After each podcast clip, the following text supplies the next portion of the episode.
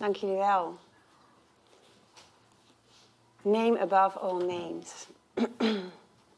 ja, daar gaan we het vandaag over hebben. Vandaag mag ik met jullie iets delen over uh, wat wij eigenlijk noemen het derde gebod. En uh, ik had het er net met Paul al over. Er is over dit gebod zoveel te zeggen. dat gaat niet allemaal lukken vandaag. Maar ik hoop een hele mooie aanzet te geven. Het derde gebod stelt het volgende, je kunt het in de slides uh, meezien. U zult de naam van de Heere, uw God, niet ijdel gebruiken. Want de Heere zal niet voor onschuldig houden wie zijn naam ijdel gebruikt. De naam van Israël als God komt meer dan 6800 keer voor in het Eerste Testament. Ik heb het niet geteld, maar het zal ongeveer kloppen. De naam bestaat uit vier Hebreeuwse letters en er zitten geen klinkers tussen. Dus we hebben de jot, de he, de waf en weer de he. En eigenlijk is men in de loop van de tijd vergeten hoe die naam moet worden uitgesproken. Um, en uit angst om die naam, die naam van God te ontheiligen, eh, is er op een gegeven moment besloten, uh, de Joden spreken de naam van God niet meer uit. Zij zeggen deze naam nooit. Uit angst om de naam verkeerd uit te spreken of verkeerd te gebruiken, verkeerd uh, ja, om de naam te ontheiligen. En daarom zien we in de Bijbel, ook in onze Bijbel, uh, elke keer waar eigenlijk de naam van God zou staan, die vier letters, daar staat nu het woord Heer in hoofdletters. Dus dat is echt belangrijk om te weten. Als je in de Bijbel die hoofdletters Heer ziet staan, staat er eigenlijk de naam van God. Daar staan eigenlijk die vier letters. Nou, dit gebod, het zou eigenlijk wel interessant zijn om een rondje te doen wat iedereen eigenlijk denkt bij dit gebod. je mag de naam van de Heer niet ijdel gebruiken. U heeft vast wel eens reclame gezien van de, bond tegen vloeken. Nou, in de kerk, hopelijk zijn we het er wel over eens, uh, dat we de naam van God, de naam van Jezus, niet moeten um, noemen.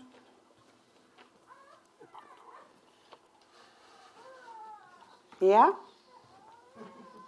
Staan we weer goed? Oké. Um, over het algemeen hoop ik dat we het met elkaar eens zijn uh, dat we de naam van God, dat we uh, die niet in onze mond moeten nemen om te schelden of te vloeken.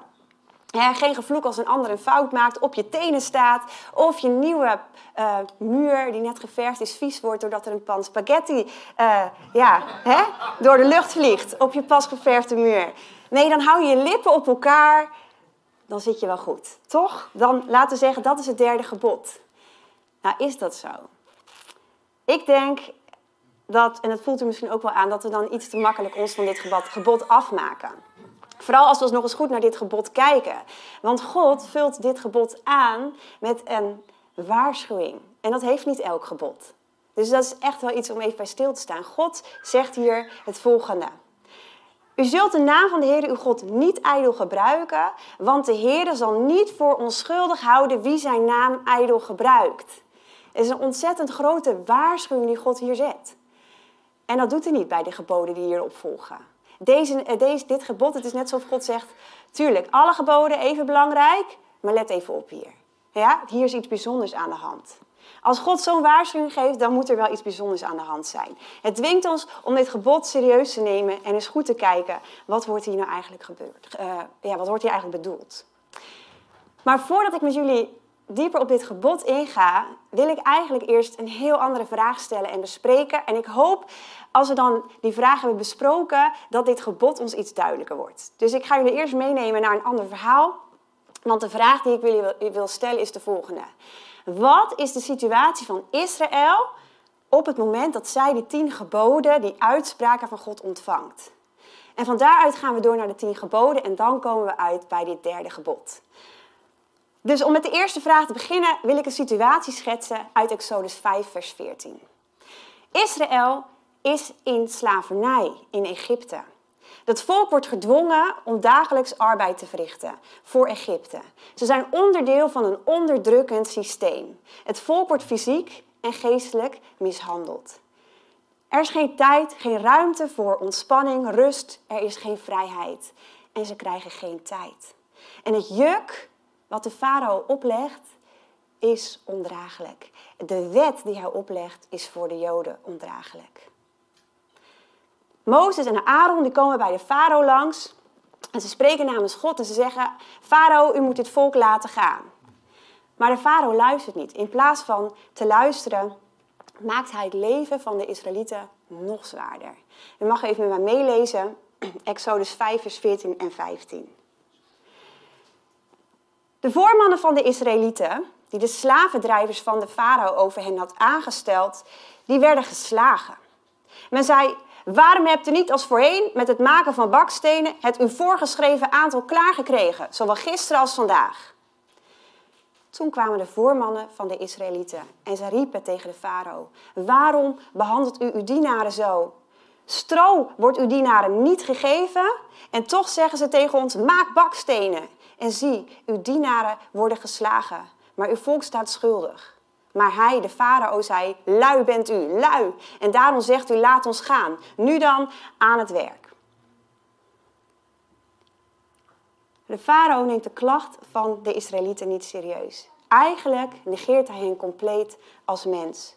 Hij behandelt ze als objecten, enkel bestemd om te werken en te produceren. En belangrijk in deze tekst is het woordje gok. Want gok betekent wet. En dit is de eerste keer in de Bijbel dat we het woord wet lezen. Dat is hier bij de farao.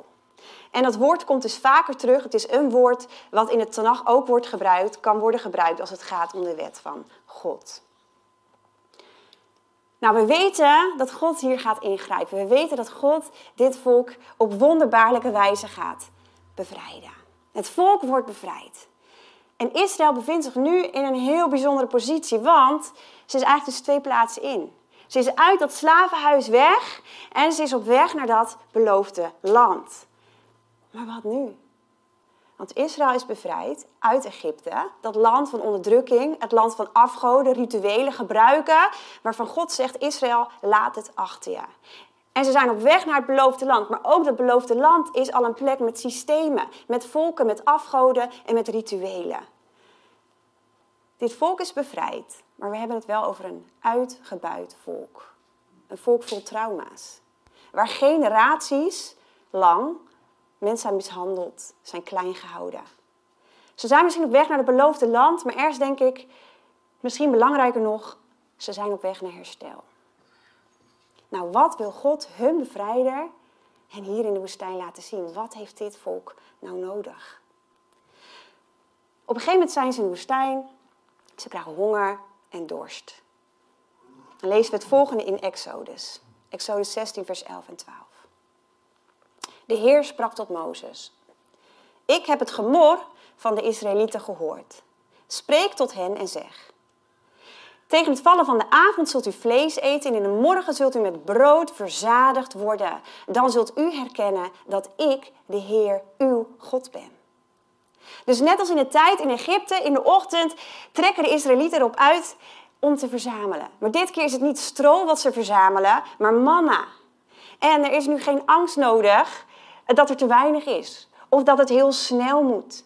Er hoeft geen angst te zijn dat je geslagen wordt omdat je je werk niet afkrijgt. Je hoeft niet snel voor je eigen hachje te zorgen. Je hoeft niet zoveel mogelijk te verzamelen omdat je maar moet overleven. God zorgt hier. Hij zorgt hier voor de sterke en voor de zwakke. Hij zorgt hier voor het jonge kind en hij zorgt hier voor de ouderen. En God zegt, ieder wordt verzadigd, ieder krijgt genoeg. Om dit even tegen elkaar over te zetten, kan je de volgende slide zien. Ehm, de wet van de farao zegt, jij wordt niet gehoord, jij doet er niet toe. De wet van de farao zegt, je krijgt geen stroom, maar je moet wel twee keer zo hard werken om de boel toch voor elkaar te krijgen. De wet van de farao zegt, jij krijgt net genoeg, zodat je kan overleven en kan blijven produceren. Je krijgt geen rust, geen tijd, geen ruimte om te dromen, om te denken of om te zijn. Je wordt mishandeld en gebruikt tot gewin. En wat stelt God er tegenover? God ziet, God hoort en God reageert. God voorziet dagelijks met manna. God geeft genoeg aan een ieder. God geeft rust, tijd, je mag zelfs genieten. Dat is al voor de volgende keer als het gaat over de Shabbat. Want op Shabbat hoefden ze niet te verzamelen. Er was al manna die ze op vrijdag mochten ophalen. God geeft, maar hij neemt niet. Het volk mag gaan leren dat ze hier te maken hebben met een heel andere meester. Een heel ander soort God dan de farao is. Het gaat hier om een God die het goede met hem voor heeft. Een God die wil voorzien en niet misbruikt of gebruikt voor eigen gewin. Nou, in de woestijn geeft God die tien geboden, die bekende tien geboden. Maar eigenlijk, dat woord gebod dekt eigenlijk niet zo goed de lading van de tien geboden. Het gaat hier niet om tien geboden, maar om tien uitspraken, tien verklaringen. Uitspraken voor een waardevol en waardig leven. Wil jij leren? Wil je weten wat het is om te leven met God? Wil je weten wat het is om goed te leven met mensen om je heen? Neem deze basisprincipes dan serieus. God schenkt deze tien woorden opdat het er goed zal gaan. In Deuteronomium 5, vers 33 en 34 staat: U moet nauwlettend handelen zoals de Heere uw God u geboden heeft. Wijk niet af, niet naar rechts, niet naar links. Heel de weg die de Heer u geboden heeft, moet u gaan opdat u leeft en het u goed gaat. En uw dagen verlengt in het land dat u in bezit zult nemen. Israël gaat leren om anders te leven dan waar ze vandaan komt, maar om straks ook niet mee te gaan in de gebruiken van de volk om hen heen in het land waar ze straks gaat wonen. De tien woorden die beginnen met een verklaring. En die verklaring zet de toon voor alles, voor het geheel. Het is de basis van alles. Want God dient zich hier niet aan als een soort afstandelijke, almachtige schepper van hemel en aarde, zo ontzettend groot. Hij zegt, ik ben de bevrijder. Hij dient zich hier aan als de bevrijder uit het slavenhuis Egypte. De God die zich persoonlijk inzet voor dit volk. En die zijn arm naar hem heeft uitgestrekt. Elke keer staat in Exodus met zijn arm eh, naar hen uitgestrekt, heeft hij hen gered. Het is een God die neerdaalt, een God die dichtbij komt.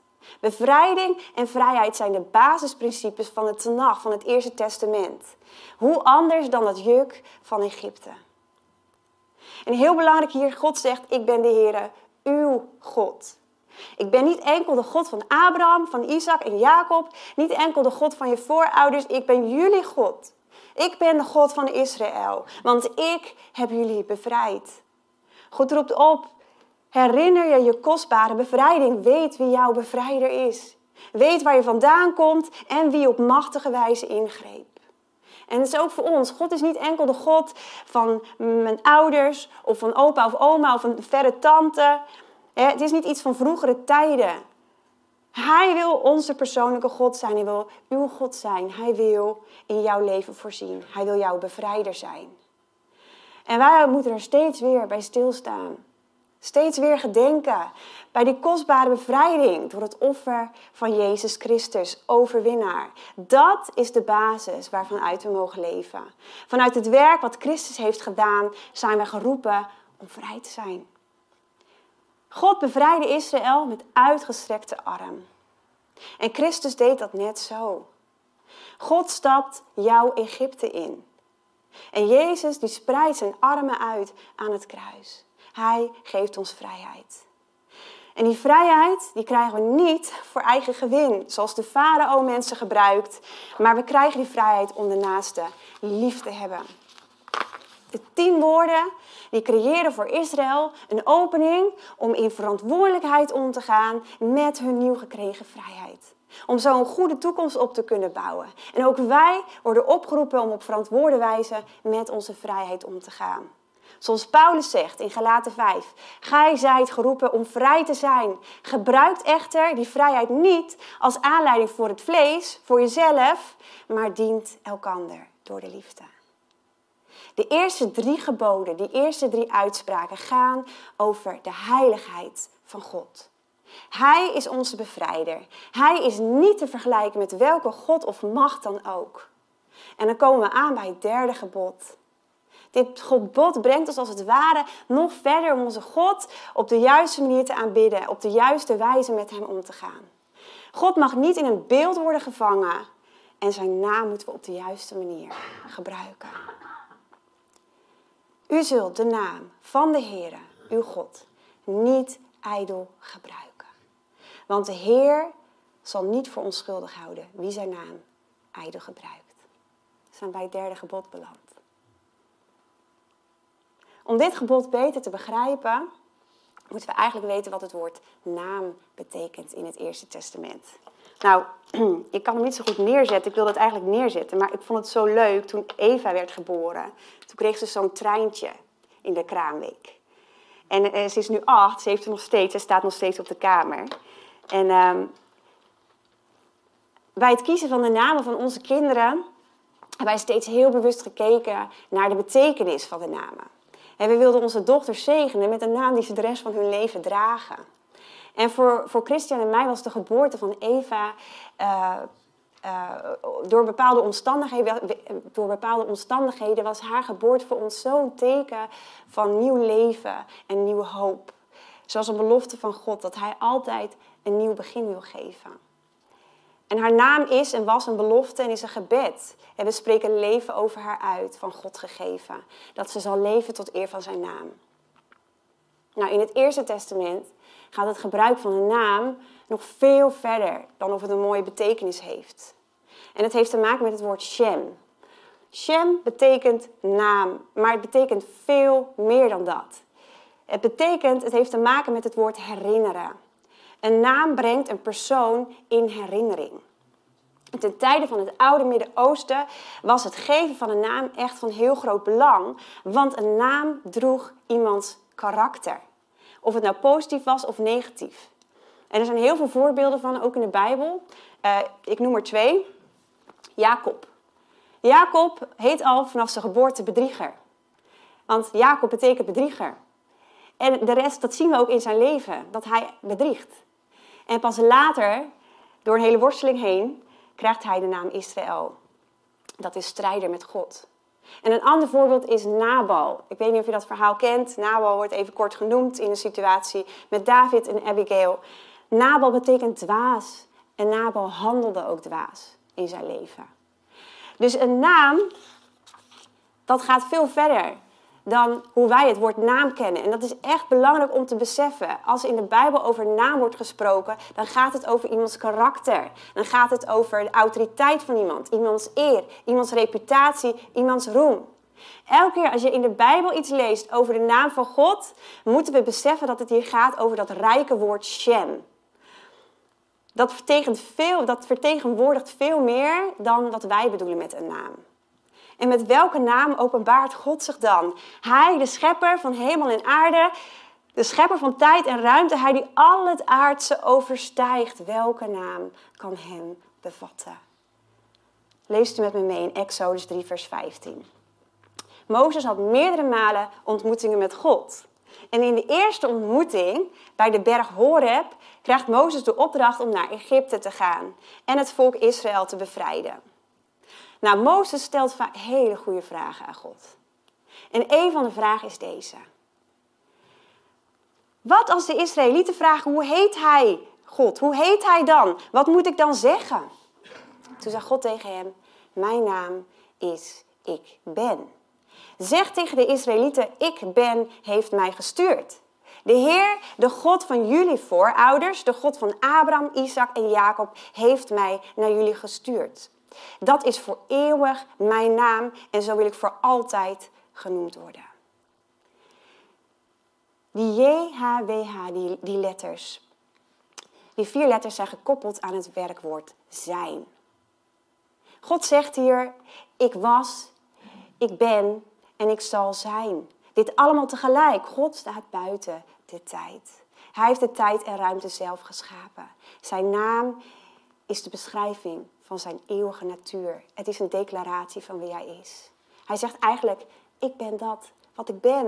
Er is niets in jouw wereld dat mij een naam kan geven of het mij kan vatten.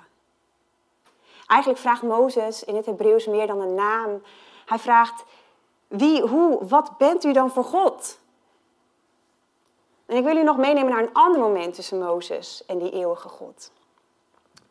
We weten, Mozes ontvangt van God die tien uitspraken, die tien geboden. En op een gegeven moment vraagt Mozes aan God of hij de heerlijkheid van God mag zien. Ik zei al, hij stelt hele goede vragen. Hij vraagt, mag ik uw heerlijkheid zien? Nou, zegt God, mijn aangezicht kan je niet zien. Geen mens kan mijn aangezicht zien en in leven blijven. Oké, wow. Deze God is zo heilig en zo anders dan al het geschapene. Maar wat doet God? Hij bedekt Mozes met zijn hand en zijn heerlijkheid zal aan Mozes voorbij trekken en dan mag Mozes van achteren God aanschouwen. Dat staat er. En dat, als dat gebeurt, lezen we het volgende. Exodus 34, vers 4 tot 8. Toen de Heere bij hem, bij Mozes, voorbij kwam, riep hij... Heren, heren. En nou weten we allemaal, heren, heren, daar staat eigenlijk de naam van God. Ja? Heren, heren, God, barmhartig en genadig, geduld en rijk aan goede tierenheid en trouw. God komt voorbij en hij spreekt daarbij zijn Shem, zijn naam, uit. En hij spreekt dan uit wie God is, hoe God is. Zijn naam, zijn roem, zijn hele wezen wordt hier in één adem genoemd. Mozes vraagt om Gods heerlijkheid te zien en wat doet God? God spreekt zijn eigen Shem uit. Zijn reputatie, zijn eer, zijn karakter. Gods naam identificeert wie God is. Er is maar één iemand met deze naam. Er is maar één iemand die deze, deze naam kan dragen. Het volk mag geen beeld maken van God, geen andere goden dienen, maar het krijgt deze naam te horen. God zegt, jullie voorouders hebben me niet bij deze naam gekend, maar ik ben uw God. Ik openbaar me hier aan jullie op een manier die nog niet eerder is getoond. De naam van God kennen is niet enkel een feitje. De naam van God kennen is God zelf kennen. Denk maar aan het verhaal van de verspieders in Jericho. He, Rahab die, die neemt in hun huis, verstopt hen. En uh, uh, ze vraagt hen, aan die verspieders zegt ze, zweer bij de naam van jullie God dat mij en mijn familie niks overkomt. Zij weet, van die God kan ik op aan. Die naam, die, die Shem van God, Gods reputatie is al vooruit gegaan. En ze heeft al gehoord hoe groot en machtig die God is. Ze zegt, zweer bij de naam van uw God dat ik blijf leven. Deze naam is gekoppeld aan Gods hele wezen. Aan zijn woorden, aan zijn beloften, aan zijn daden, aan zijn trouw, aan zijn geduld, aan zijn genade. Dus elke keer als de Bijbel spreekt over Shem, over de naam van de Heer, kunnen we dit als het ware vervangen met het woord karakter of reputatie van God. Deze naam is heilig, want hij hoort bij onze heilige God. En die naam is Gods bezit.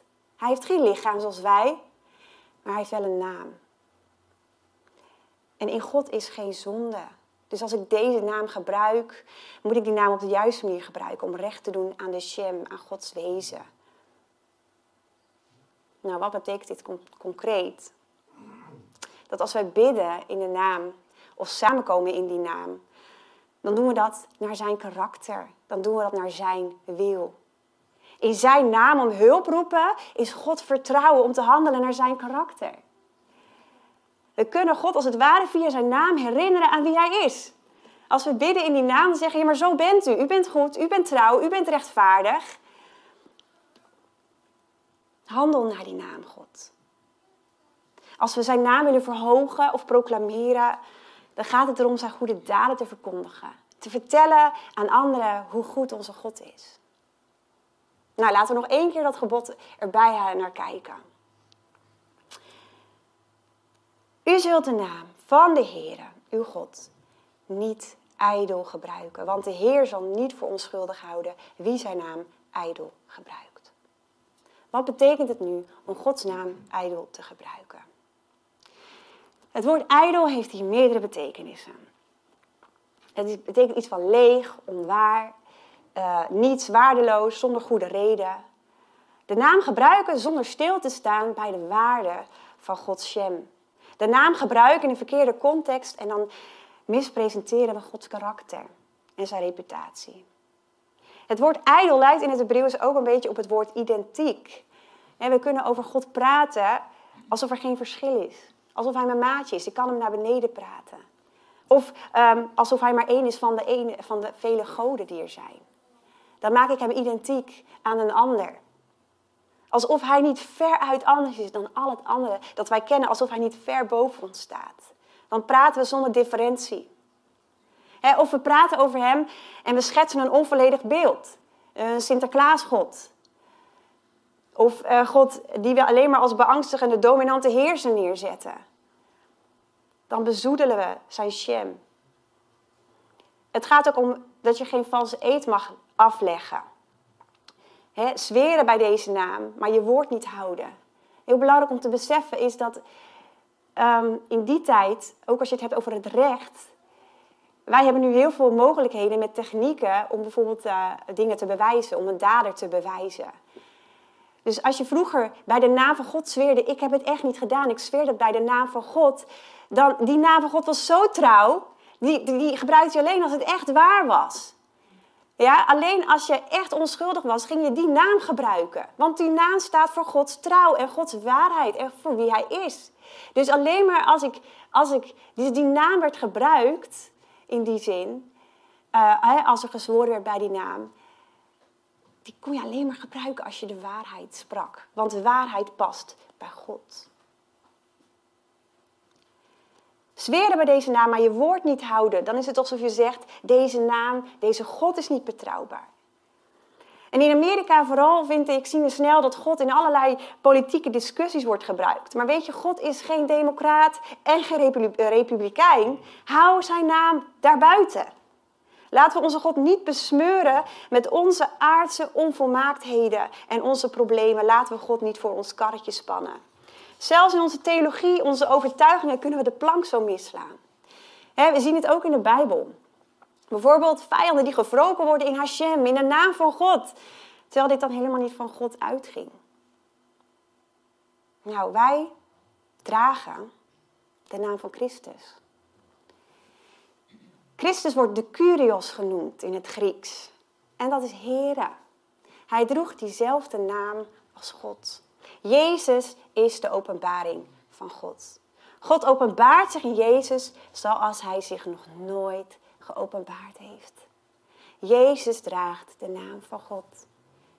Immanuel, God is met ons. Jezus is God. En de naam Yeshua, Jezus, Yeshua betekent God redt. En wij mogen onszelf christenen noemen. Wij dragen zijn naam. Het is zo'n ongelofelijke eer. Wij willen Hem volgen, Zijn naam verhogen in wat we zeggen en wat we doen. Jezus stelt uh, deze vraag aan iemand. Waarom noem je mij Heer, Heer? Kuros, Kuros. Maar doe je niet wat ik van je vraag. Je noemt mijn naam, mijn Shem, maar je wandelt niet in mijn naam. Je wandelt niet in mijn Shem. Je wandelt niet naar mijn wezen.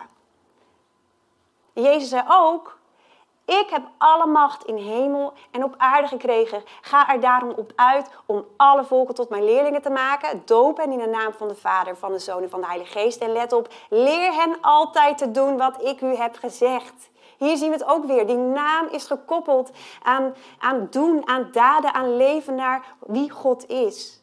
En dan dit, ik ben altijd bij u. Want God is, ik ben. Ik ben altijd bij u tot het einde van de tijd. Jezus overwon de dood. En hierdoor kreeg hij de naam boven elke naam. De autoriteit boven alles. Dus als ik gedoopt ben in zijn naam, in zijn Shem, dan sta ik op in een nieuw leven om te wandelen in zijn Shem. Wandelen in zijn naam, in zijn Shem, is gekoppeld aan dada. Als jij weet wat de wil is van God voor jouw leven, maar je staat er tegenop als we niet God reflecteren in ons dagelijks handelen, als we niet naar zijn karakter of autoriteit leven, bezoedelen we zijn naam. En daarom zijn de tien geboden, die uitspraken, ook zo van belang. Want die tien uitspraken wijzen ons steeds weer op de juiste manier om met God om te gaan en met onze naasten. Hoe te leven met God, hoe te leven met onze naasten. En Christus heeft dit nog veel dieper en verder uitgewerkt. En het mooie is dat de Heilige Geest dit dagelijks in ons hart wil bewerken. Want wat is de vrucht van de Geest? De vrucht van de Geest is liefde, blijdschap, vrede, goedheid, trouw, zachtmoedigheid, vriendelijkheid, zelfbeheersing. Het karakter van God. Hij bewerkt Gods karakter in ons. En hij leert ons leven in zijn naam, in zijn Shem. Amen.